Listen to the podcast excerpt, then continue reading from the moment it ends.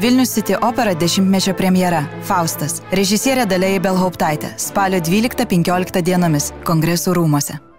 Bilietus platina Tiketa.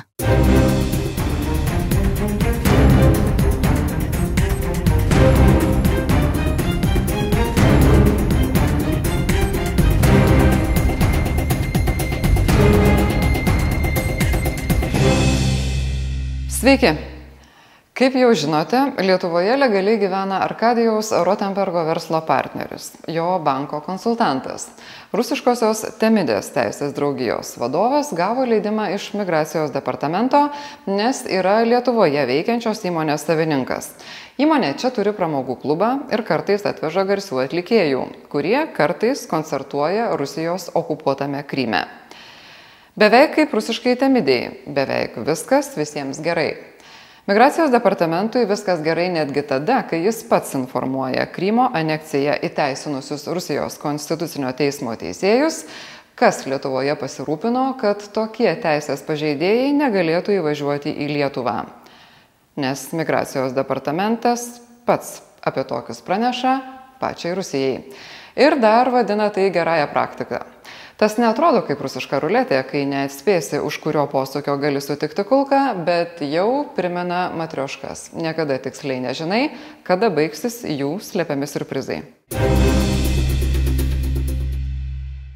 Reikia turėti omeny, kad aš sunkiai įsivaizduoju kurią nors pasaulio valstybę, kuri praktiškai priešiškai arba nedraugiškai valstybei pranešinėtų pavardės asmenų, kurie vienaip ar kitaip dalyvauja sprendimų susijusių su tą valstybę prieimimo procesuose. Tai iš tiesų aš neįsivaizduoju, kuri dar pasaulio šalis rašo tokius sprendimus ir siuntinėja tiesiogiai juos susijusiems asmenims, nurodydama viską iki detalių.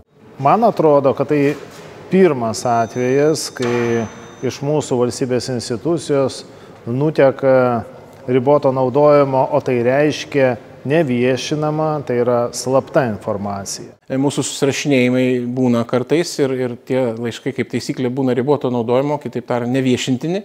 E, pagal darbą su neviešais dokumentais tvarka tokie dalykai negali būti niekur persiunčiami, cituojami, tai yra tiesiog na, nusikaltimas.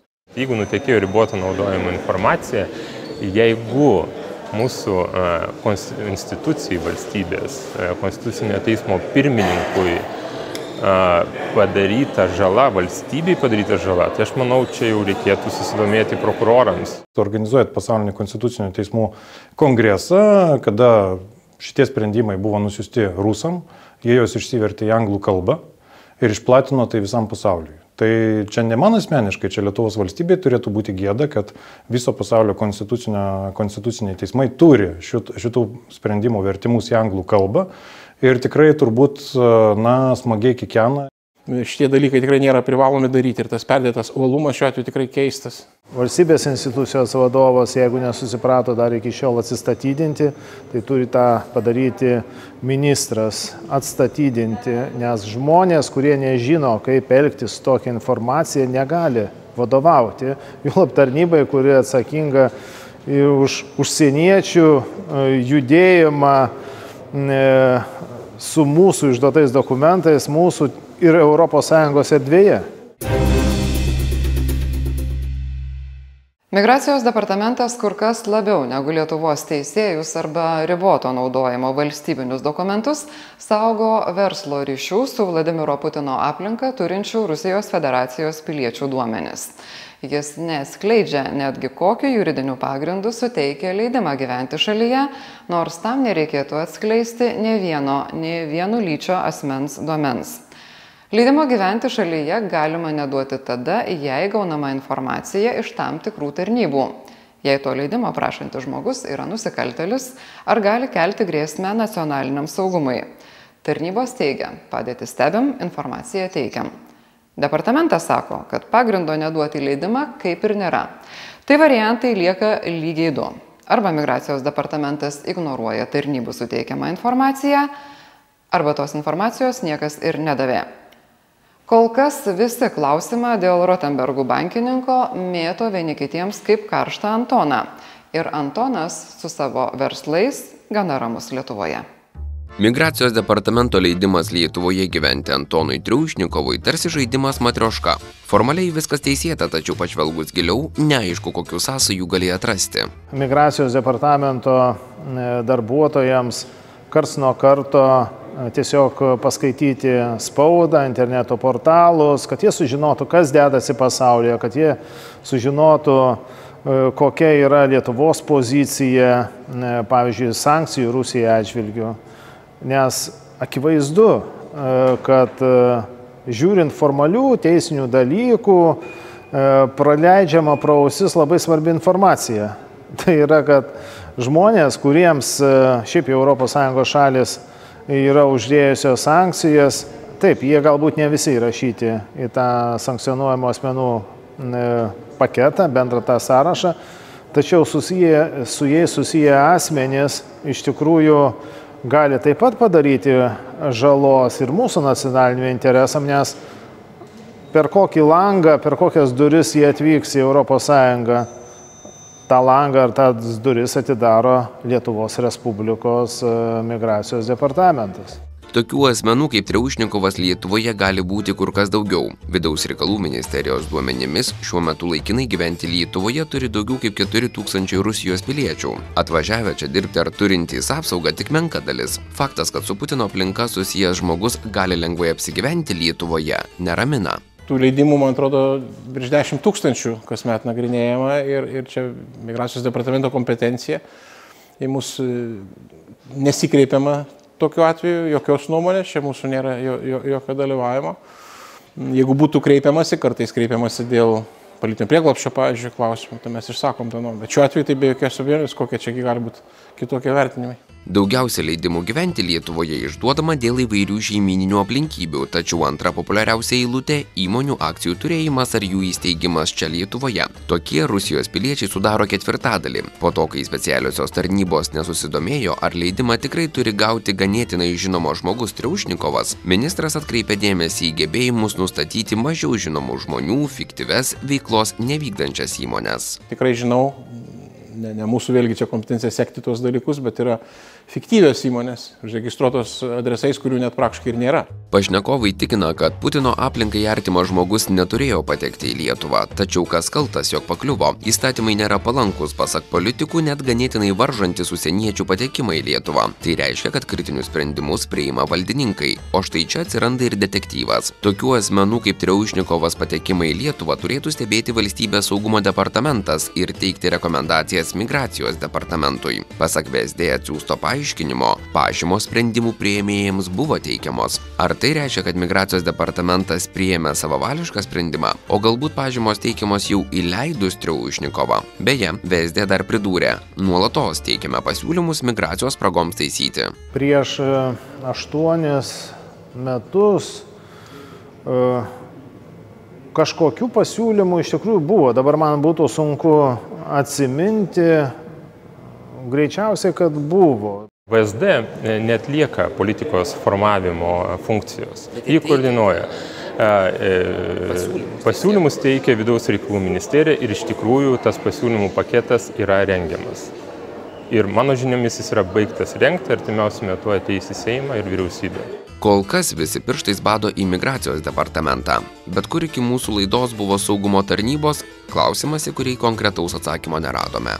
Migracijos departamento vadovė, tariantis dėl pokalbio, patikslino, ar kalbėsimės Zvonkaus ir Stano dainos tema. Rusai nepuola, jie tik investuoja čia ir gauna leidimus savo ir savo pinigams. Evelina Gudzinskaitė stropiai vykdo instrukcijas ir gražiai fotografuojasi Facebook'ui. Ką veikia pinigus čia investavę Putino aplinkos žmonių verslo partneriai, jai neįdomu, nes nepriklauso o ir žmogus jį yra liberalus. Pone direktorė, ar galim pradėti nuo situacijos, kai Lietuvos konstitucinio teismo pirmininkas yra įduotas Rusijos atstovams kaip žmogus prisidėjęs prie to, kad Rusijos konstitucinio teismo teisėjai būtų įrašyti į sąrašą žmonių, kurie neturėtų įvažiuoti į Lietuvą. Kaip Jūs galite tą pakomentuoti? Na, nei tikslo tikrai nebuvo įduoti, o tai kaip išsivertė situacija, niekas to negalėjo numatyti. Bet rezultatas yra, kad jie yra įduoti. Rezultatas yra tas, kad Konstitucinio teismo teisėjai žino, kieno, kieno siūlymų jie buvo įtraukti į sąrašą. Kaip Jūs vertinat tai, kad jie žino, yra gerai ar blogai, Lietuvos akimi žiūrint? Um, na, na kaip? Ma, tai yra politiniai dalykai, man sunku vertinti politinę prasme, kalbant apie tai, ar mes turėtume tiek daug informacijos teikti tokiem žmonėm, kurie yra nepageidaujami pas mus, tai manau, Gal iš ties ne, tikrai ne, bet tam reikėtų atitinkamos teisinės bazės. O ko reikėtų, nes dabar mūsų žmonės yra įtraukti į Rusijos nepageidaujamų žmonių sąrašą, būtent dėl to, kad jie gavo tą informaciją iš jūsų departamento. Aš nežinau, ar būtent dėl to, ar, ar, ar, ar pas, pasiekoje kitų dalykų, to aš nesimčiau vertinti, ko reikėtų, kad tos informacijos ne, negautų. Kaip jums atrodo, ką reikėtų daryti tokiais atvejais? Ma, mano nuomonė, iš ties būtų galima diskutuoti ir ieškoti variantų, kaip, kokiais atvejais neturėtų būti teikiama informacija žmogui apie tai, kad jis yra įtrauktas. Gal ne apie tai, kad, apie motyvus dėl ko, nes kad jis nėra įtrauktas arba yra įtrauktas, yra natūralu, kad turi būti informuojama. Galbūt netgi departamento tinklapyje, bet apie motyvus, kuriuos jūs pranešėte Rusijos konstitucinio teismo teisėjams, tai čia yra kitas klausimas turbūt. Na, motyvai, motyvai privalo būti. Kiekviename administracinėme sprendime, kalbant apie gerojo administravimo principus, apie viešą administravimo įstatymą, visą laiką turi būti paaiškinta, kodėl tu esi. Punktas į įstatymą turbūt būtų motyvas, ar ne, bet jame nėra jokių pavardžių. Um, apie tai, kiek daug atskleisti, va čia yra diskusijų klausimas. O tai Kiekvienu atveju taip plačiai motivuojat, kaip atsitiko su Konstitucinio teismo teisėjais. Taip. Tai kiek Aišku, dar tada yra žmonių atskleista Rusijai kaip iniciatorių kokią nors sankcijų? Um, atskleista Rusijai, e, kiek, kiek, kiekvienam, e, kiekviena, kiekvienam žmogui, kurio atžvilgiu yra priimamas sprendimas, turi būti išsiųstas tas sprendimas. Um, išskyrus atvejus, kai mes neturime adreso. Tai aš jums dabar konkrečiai pasakyti, keliam žmonėms išsiųsta, keliam neišsiųsta, aš negaliu. Praėjusią savaitę buvo paskelbtas skelbimas nesuteikti politinio prieglopščio žmogui iš Vidurinės Azijos. Kas siūlė tą padaryti viešai? Uh, nesuteikti. Jūsų tinklapyje, taip. Kas siūlė tai padaryti viešai? Nu, ta informacija dėja jinai buvo paviešinta jau um, be, na, iki, iki mūsų, iki mūsų įsik, įsik, įsitraukimo pagal visuomenės informavimo įstatymą ir e, asmens duomenų apsaugos įstatymą, kiek aš pamenu, jeigu to reikalauja viešas interesas, tokią informaciją galima paskelbti. O kaip šiuo atveju jūs nusprendėt, kad čia yra viešas interesas? Pa, pagal tai. Nes man atrodo, viešas interesas būtų paskelbti, kad pas mus leidimą gyventi turi Rotenbergų banko atstovas, bet to nebuvo paskelbta. Na, vėlgi, sutinku, kad tai yra vertinimo elementas. Bet jūs pati ką tik vertinot, jums atrodo, kad vienu atveju yra viešas interesas, kitų nėra. Tarkim taip, tai buvo vykdomos konsultacijos ir su teisininkais, vidinės konsultacijos ir su... Vidinės tai su jūsų pačiu? Su vidaus reikalų ministerija, tiek su teisininkais, tiek su, su viešųjų ryšių specialistais, ar reikėtų tokią informaciją paskelbti. Viešųjų ryšių specialistais. Taip, bet ir sakau, su teisininkais, su pla, e, tokios vidinės konsultacijos, ar reikėtų skelbti būtent dėl to, kad na, ar tai yra pakankamas visuomenės interesas, kad jie sužinotų tokią informaciją ar ne. Gerai, grįžkim prie Antono Traušnikovo. Suprantu, kad tai yra kitokia situacija, tai nėra politinis prieglopsis, tai yra leidimas gyventi. Bet kai kreipėmės į jūs ir prašėm nuorodos tiesiog į kurį, nuorodos kokiu įstatymo straipsniu arba na, straipsnio dalimi, jam teikiamas tas leidimas, sakėte, kad negalit nurodyti, nes tai būtų asmeninių domenų atskleidimas. Tai yra bendra migracijos departamento politika neteikti informacijos, ypač kai ateina žinutė, kur, kur negali patikrinti jos siuntėjo, um, kažkam tai, kažkokiam interneto vartotojui apie asmenį e, gyvenantį Lietuvoje. Ar jūs bandėt patikrinti kaip nors? Sakot, negali patikrinti. Aš tokių, aš tokių e, neturiu galimybių pati patikrinti. Jeigu norėčiau patikrinti, tas procesas užtruktų ilgai. Klausimas. Aš būčiau nieko prieš. Praeiti visus patikrinimus. Ar aš privalau tai daryti? Ne. E, pagal vėlgi. O kur viešasis interesas? Viešasis interesas šiuo atveju mano vertinimu, tai, tai, tai yra asmens duomenys svarbesni. Žiūrėkit, vienu atveju jūs konsultuojatės, kad ir su ministerijos tai yra savo teisininkais, kitais jūs priimat pati sprendimą, kai tai nėra viešas interesas. Ar jūs galite pati įvertinti dabar Rotenbergų banko konsultantas? Tai yra žmonių, kurie yra visame pasaulyje siejami su pačia artimiausia Vladimiro Putino aplinka, turi leidimą gyventi Lietuvoje ir jums tai nekelia minčių, kad informacija apie jį gali būti viešasis interesas. Man tai nekelia tokių minčių. Mhm. Ar... Vieš, ne, tai, tai yra galbūt viešasis interesas, bet e, sveriant, ar visuomeniai būtina apie tai žinoti ar ne, tai. manau, kad, e, kad galbūt na, viešinti tokios informacijos tikrai nereikėtų, nes tai gali pakengti kitiem dalykam. Kokiam? Tyrimam, kurie yra atliekami. O kokie tyrimai atliekami? Aš nesakau, kad jie yra atliekami, bet tai gali būti atliekami. Tai jeigu jie nėra atliekami, kaip, jie, kaip jiem galima pakengti?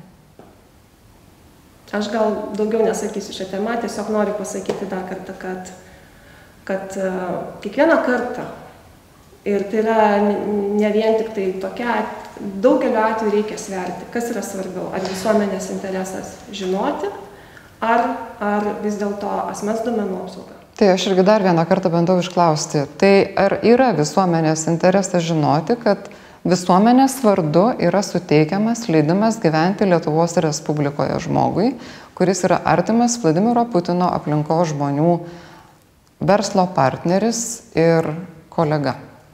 Tame pačiam banke. Čia būt, galbūt tai ir yra kažkurios visuomenės dalies noras, smalsumas tai žinoti. Jūs tai vadinate smalsumu? Na taip, tačiau kaip sakiau, tai yra uh, asmens duomenis, kurie turėtų būti taip pat apsaugomi. Aš, aš manau, kad vien tas faktas, kad jis yra uh, atsto, pasme, manau, tai vien tas faktas iš teisinės pusės žiūrint, kad jis yra kažką pažįsta, tai, tai ar yra kažkieno atstovas, tai dar nėra pakankamas pagrindas sakyti, kad tai yra blogai. Reiškia, reikia, neužtenka vien tik tai ryšių, reikia žiūrėti, o, o, o kuo tai yra blogai, kam tai yra blogai ir kiek tai yra blogai. Ar jūs esat girdėjus apie sankcijas Rotenbergams? Na, teko girdėti. Ir kuo tai yra blogai? Gal aš, gerai? Aš konkrečiai, kad šitas asmuo, apie kurį jūs manęs klausėte, kad jis yra įtrauktas į... Jis sąrašą, nėra įtrauktas į sąrašą, tai jis būtent, dirba jų banke. Būtent. Tai yra vienas dalykas tai yra bankas, kitas dalykas tai yra privatus asmo. Bankas irgi yra sankcijų sąraše. Bet privatus asmo, kaip jūs ką tik pati pasakėte, nėra sąraše. Tai jūs nutarėte, kad grėsmių nėra jokių ir galima išduoti leidimą be jokių problemų. Ar jūs kreipėtės į ką nors konsultacijų? Um, pradėkime nuo to, kad e, tas asmuo čia gyvena senokai. E, senokai tai kokiu 11 metų? Gali būti. Jūs beveik, beveik atskleidėte asmeninę informaciją, kurią taip ar šiai gynėt, bet nieko tokio. Taip, taip. Dėja, taip. Um, Jūs sakėt, kad jis čia gyvena senokai. Mhm. E, o klausimą priminkit. Ar jūs kreipėtės informacijos dėl jo? Informacijos, žinoma, pagal visas procedūras, tai yra išduodant pirmąjį leidimą gyventi, yra renkama informacija iš visų institucijų įskaitant uh, policiją, valstybės sienos apsaugos. Na, čia iš tikrųjų tais laikais uh, nutikusių dalykų nebūtų galima sukrauti jums, nes jūs net nedirbo tuo metu, kai tas žmogus gavo leidimą. Tačiau jis prašė jį atnaujinti ir jo neprašė atnaujinti. Na kągi, jūs vėl mane provokuojate atskleis duomenys. Na, jeigu vieną kartą galima, gal ir kitą galima. Ašgi neklausiu, kuriais metais prašė atnaujinti. Taip, migracijos departamentas periodiškai atlieka tokias patikrinimus iš nelegalios migracijos grėsmės. Aš suprantu, ką Jūs kalbat, bet aš dar kartą bandau paklausti. Dėl šito konkretaus asmens, ar Jūs kreipiatės į tarnybas, kurios turėtų rinkti, analizuoti ir teikti informaciją grėsmės nacionaliniams interesams aspektu? Aš suprantu, kad Jūs negalite surinkti visko. Bet ar jūs ieškojo tos informacijos? Tyrimas, tyrimas atliekamas, buvo kreiptasi, taip.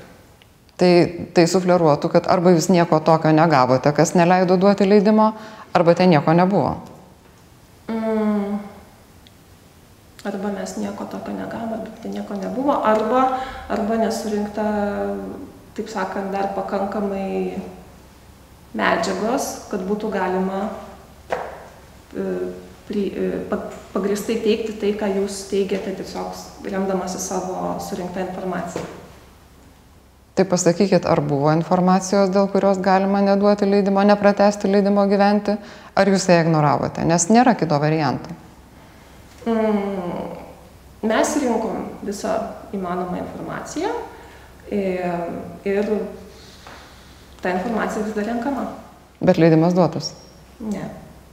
Kaip ne? Jūs mane kaip jums atsakyti šitą klausimą.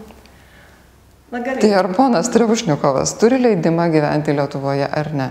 Ne, šiandien jis neturi šiandien neturi. gyventi Lietuvoje. O kada jis buvo atimtas iš jo? E, tas sprendimas buvo priimtas visai neseniai. O visai neseniai kada? Už vakar ar prieš savaitę? E, tyrimą mes vykdėme nuo rūpiučio pradžios, ne, ne pradžios pabaigos. E, ir sprendimas yra priimtas šiandien. Kaip jau galėjote atspėti arba suprasti per šį interviu, po rytos atlikto tyrimo Antonas Lietuvoje ramiai nebegyvena. Prieš septynerius metus savo sienas leidimais gyventi už investicijas plačiai atvėrė Latvija. Šiandien joje pinigų iš Rusijos federacijos maždaug pusę milijardo eurų. Tos investicijos smarkiai pagyvino nekilnojamojo ir ypač nepigaus turto rinką o šiandien jos vadinamos Rusijos trojos arklių Europos Sąjungoje. Yra dar vienas dėmesio vertas dalykas. Kai užsienio pilietis gauna leidimą gyventi Lietuvoje, jos įmonių registre jis prapuola, kaip lengvai identifikuojamas užsienio pilietis, jeigu turi įmonę žinoma, nes kartu su leidimu gauna lietuvišką kodą. Tai nereiškia, kad rusų kapitalo įmonių ar kito turto visai negali rasti. Tas tik reiškia, kad jį atrasti yra žymiai sunkiau ir trunka smarkiai, patikėkit, tikrai smarkiai ilgiau. Tiek šiandien. Ačiū, kad žiūrit. Jeigu nenorit laukti antradienių ir norite, kad tokių laidų būtų daugiau, tapkite Laisvės televizijos rėmėjais.